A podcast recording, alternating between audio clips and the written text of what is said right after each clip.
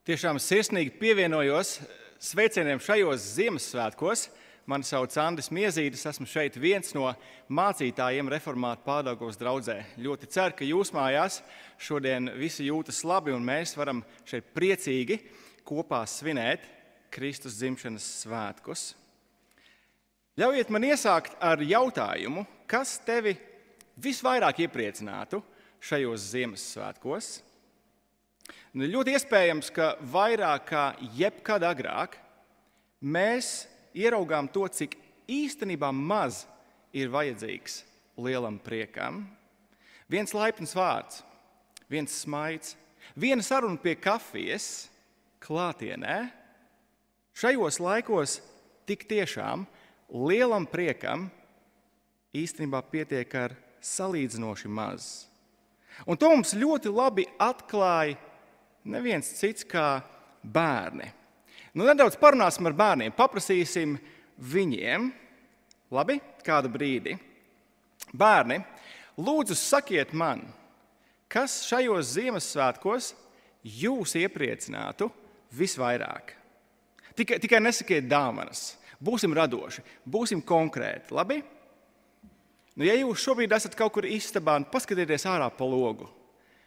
Vai jūsu acīm nepavarās skaists skats, balts sniegs?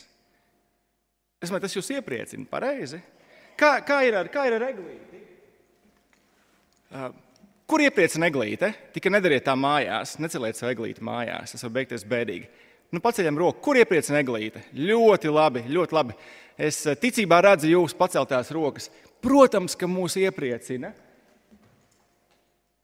Protams, ka eglīte mūs iepriecina. Kas vēl jūs iepriecina šajos Ziemassvētkos? Protams, tie, kas jūs esat skolēni, skaidra lieta - skolēnu brīvlaiks. Nu, sakiet, ko jūs darīsiet skolēnu brīvlaikā? Es ļoti ceru, ka jūs darīsiet kaut ko ārā. Kurš darīs skolēnu brīvlaikā šo?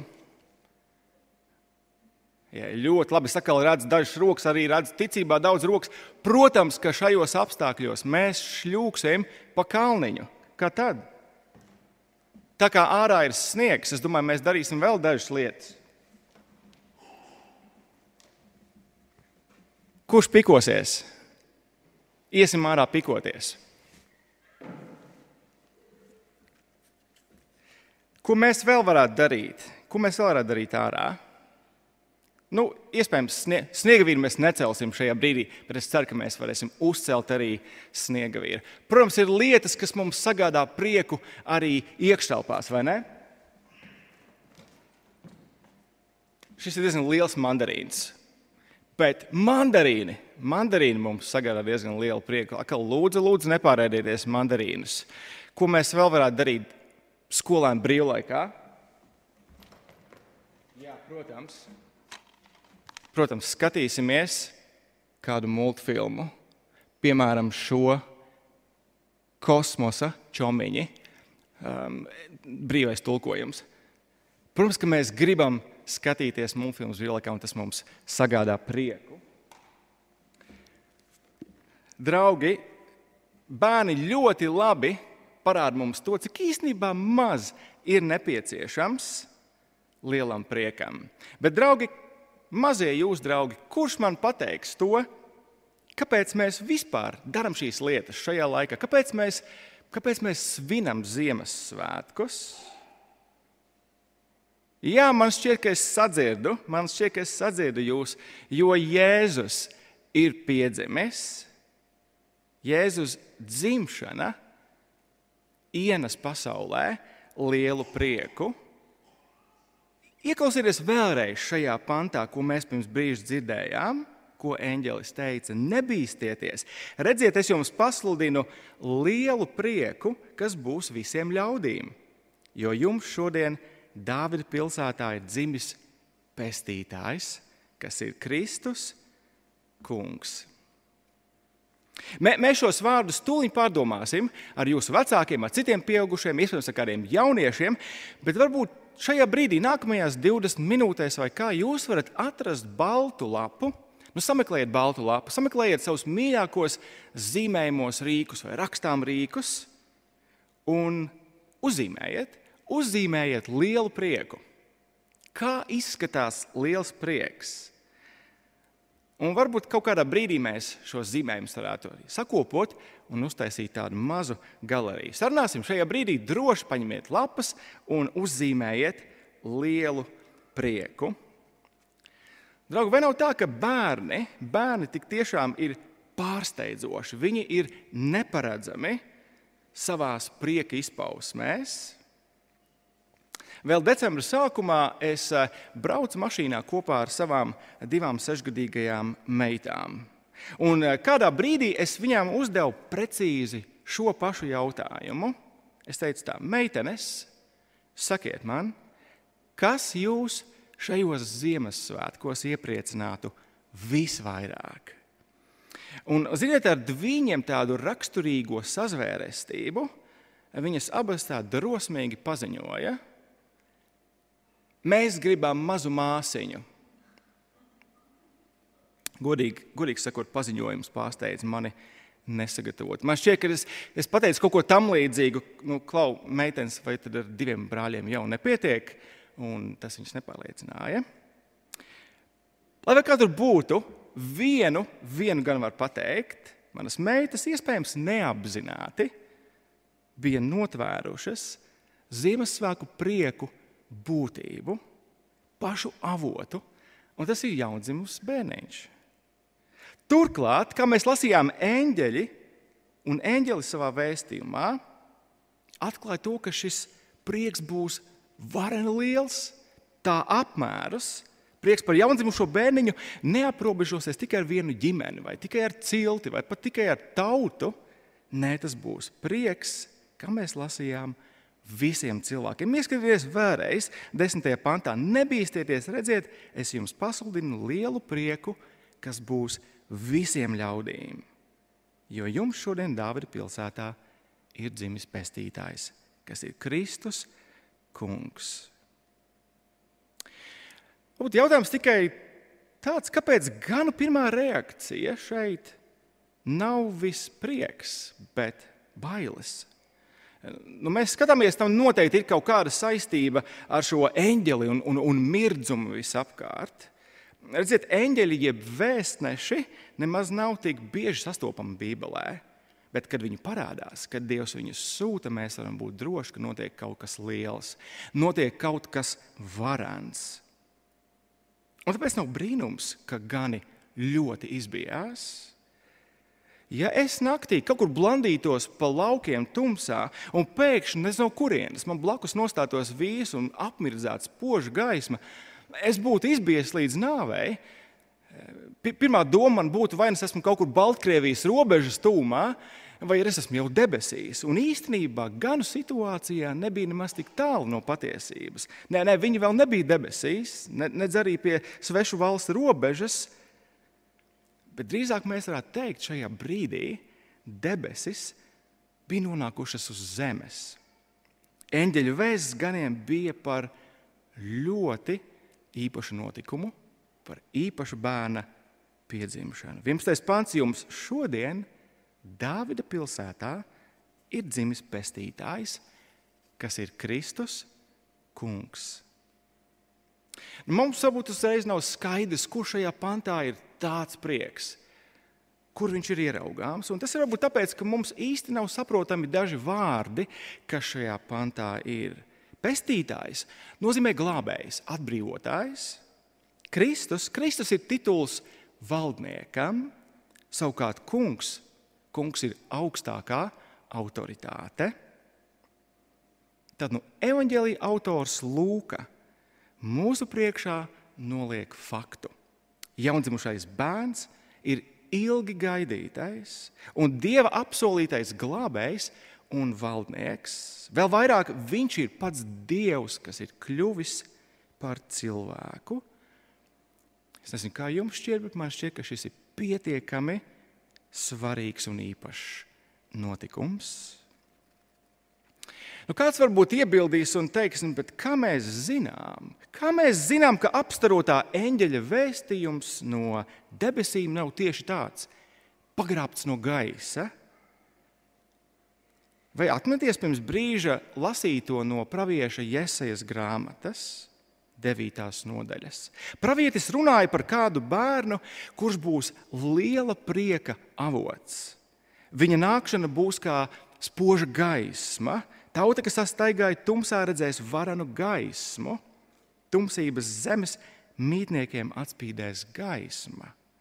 Viņa vārds būs brīnumains Ja mēs dzirdējām, viņu sauc vārdā brīnišķīgais padomdevējs, varonis dievs, mūžīgais tēvs, miera princis. Un viņa ietekme būs varana. Pletīsies viņa vara, nebeigsies miera Dāvida tronim un viņa valstī, lai celtu to balstītu to tiesu un taisnību no šī mirkļa uz mūžiem. Jā, protams, mēs zinām to. Mēs zinām, ka katrs bērns saviem vecākiem ir īpašs, un tā tam ir jābūt. Taču piekritīsiet, ka diezgan savādi būtu no vecāku puses kādā brīdī pateikt, kungs man teica, ka mans mazulis būs gaismas nesējs visai cilvēcei. Mēs skatītos diezgan interesanti. Tāpat neviens savam bērnam, lai cik viņš īpašs būtu, nedotu vārdu varonis Dievs mūžīgais tēvs, miera princis. Jāatzīst, ka miervaldis ir ļoti tūšai robežai. Bet eņģeļa vēsts ganiem ir tieši šāda. Par šo bērnu viņš ir īpašs. Jums šodien Dāvida pilsētā ir dzimis pestītājs, kas ir Kristus, Kungs. Bet tad jautājums, kā mēs zinām, ka, ka tieši Jēzus ir tas pats bērns, par ko runā pravietis Jēzeja? Nu, saprotams, ka tajā laikā, tajā apvidū dzima daudz bērni. Tas tikai ir normāli. Un redziet, tāpēc eņģelis ganiem dod mājienu. Viņš viņam dod zīmi, ieskatieties 12. pantā. Bērna šūpulis būs silīte. Lūka jau aprakstīja to iepriekš otrajā nodaļā. Tautas skaitīšanas rezultātā mēs redzam, ka, ka Jāzeps un, un Marija dodas ceļā. Viņi dodas uz Jāzepa dzimto pilsētu, viņi nonāk tajā vietā kopā ar Mariju, kas bija bērniņa gaidībās. Un, un viņiem vairs augšstabā nebija vietas, bija ļoti pārpildīta vieta. Tāpēc viņiem nācās apmesties tā saucamajā iebraucamajā vietā. Marijai bija pienācis laiks dzemdēt. Un, redziet, toreiz maidzemdības nebija tāda, tāda modīga alternatīva eh, bezrūpīgajiem eh, un, un, eh, un tādiem jaunajiem vecākiem. Lai vai kā Marija turpat pēc dzemdībām izdara šo viņa. Paņem bērnu, iet nautiņos un gulda viņa silītē. Eņģelis saka, ņemiet to par zīmi. Citiem vārdiem sakot, eņģeļa vēsts par jaundzimušo bērnu ir tas pats iesaistīts pravietojums par apsolīto kungu un glābēju, par viņa nākšanu. Un tas ir liela prieka avots. Iedomājieties, iedomājieties tikai to sajūtu, kāda pārņēma Jāzepu, Mariju, tos, kas bija apkārt pēc 400 ilgas, eh, gadu ilgas gaidīšanas. Beidzot, viņi saprot, ka viņi ir varana notikuma epicentrā. Esot zem Romas varas okupācijas, tur pirmajā gadsimtā viņi sajām ziņu, ka šis bērns ir ķēniņam Dāvidam apsolītais atbrīvotājs, iesaistīts pravietotais glābējs un valdnieks. Protams, ka cilvēki ar šāda vadoņa parādīšanos saistīja lielas cerības. Protams, ka tas bija liela, liela prieka avots. Un draugi, nav jau tā, ka mēs to nesaprotam, vai ne? Nav tā, ka mēs nesaprotam šāda veida prieku. Mēs kā tauta taču esam piedzīvojuši to, ko nozīmē būt atbrīvotiem no okupācijas varas. Jā, varbūt ne caur vienu vadoni, bet tomēr. Tajā pašā laikā prieks par to bija iespējams mūsu tautai, varbūt vēl mūsu kaimiņu valstīm. Taču lūk, aprakstot Jēzus bērna piedzimšanu, nerunā par prieku, kas ir tikai vienai ģimenei, vai varbūt vienai ciltī, vai pat vienai tautai. Nē, Lūka runā par prieku, kas būs visiem cilvēkiem. Izskatieties vēlreiz otrās nodaļas desmitajā pantā eņģeļa vārdi - nebīsties. Redziet, es jums pasludinu lielu prieku, kas būs visiem cilvēkiem. Protams, šis izklausās pēc diezgan ambicioza apgalvojuma, un tas izprovocē jautājumu, kādā veidā vienas tautas iepriecinājums var kļūt par prieku visiem cilvēkiem. Nu, viss ir atkarīgs no tā, ko mēs uzskatām par savu lielāko bēdu. Pareizi. Redziet, mūsu lielākā bēda vai problēma noteiks mūsu lielāko vajadzību. Savukārt mūsu lielākās vajadzības apmierināšana būs mūsu lielākais prieks. Kas tavuprāt ir tava lielākā bēda? Kas ir tava lielākā problēma? Draugi, mēs zinām, tie bieži vien ir ļoti jūtīgi, ļoti personiski jautājumi, kurus mēs pārunājam tikai ar saviem tuvākajiem draugiem, un citreiz pat mēs ar viņiem tos vairamies izrunāt. Kāds, kura lielākā bēda ir vientulība, savu lielāko prieku radīs attiecību izveidē. Kāds, kura lielākā bēda ir bērnu nēsamība, savu lielāko prieku radīs tajā, ka bērni tiek iegūti. Kāds, kura lielākā bēda ir gausa, karjeras izaugsme, savu lielāko prieku radīs karjeras izaugsmē. Kāds, kura lielākā bēda ir zema pašapziņa, savu lielāko prieku radīs šīs pašapziņas celšanā. Kāds, kura lielākā bēda ir veselības problēmas, savu lielāko prieku radīs tieši atjaunotā veselībā. Šādi saraksts varētu turpināties te nebeidzami. Bet jūs sapratāt domu, vai ne? Mūsu lielākā bēda noteiks mūsu lielāko vajadzību, bet mūsu lielākās vajadzības apmierināšana noteiks mūsu lielāko prieku. Edziet, Izraēla ļaudīm pirmajā gadsimtā šķita, ka viņu lielākā bēda ir Romas okupācijas vara. Likumsakarīgi viņu lielākā vajadzība, viņuprāt, bija atbrīvošana no šīs okupācijas varas, no šīs naidīgās varas. Un tieši to daudz sagaidīja no Jēzus. Šo cilvēku prieka apmērs bija Jēzus politiskais atbrīvotājs.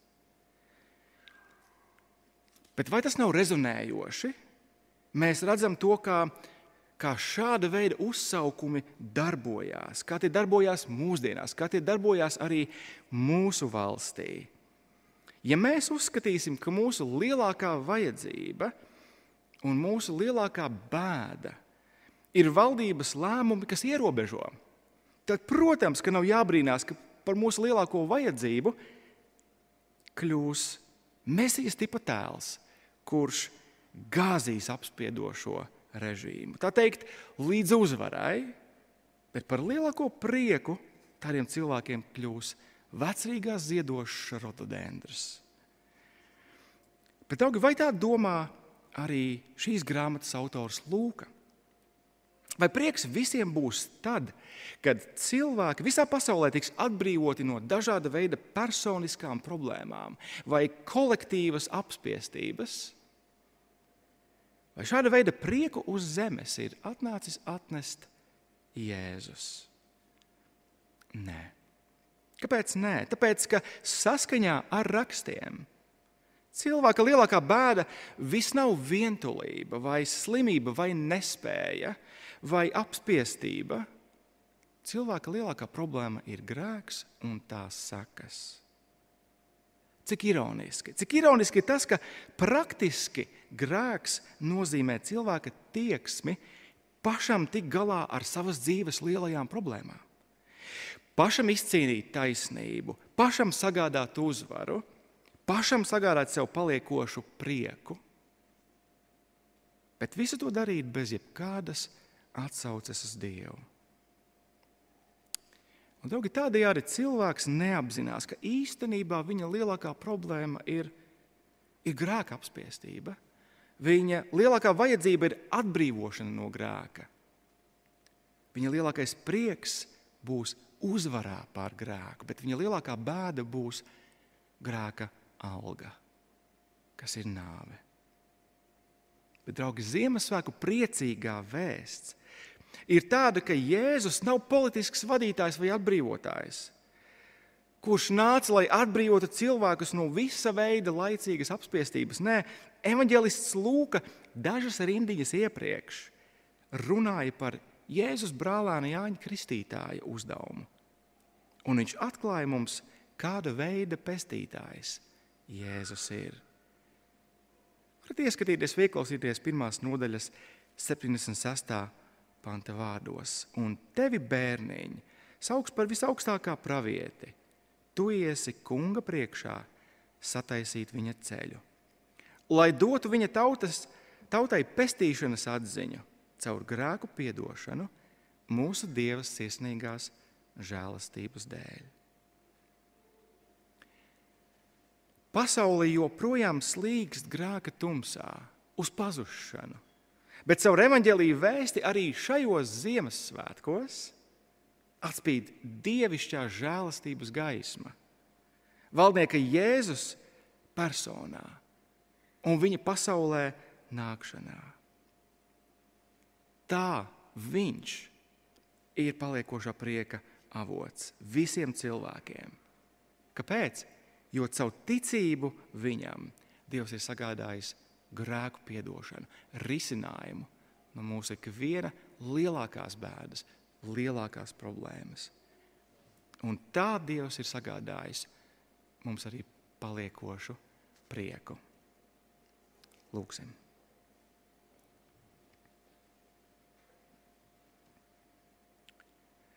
Dievs, cik ļoti mums visiem ir vajadzīgs prieks. Tēvs, lūdzu, dāvā mums paliekošu prieku. Palīdzi Jēzus bērnā ieraudzīt pestītāju, kas piedod grēkus, un Kristu, kas valda mūžīgi. Amen!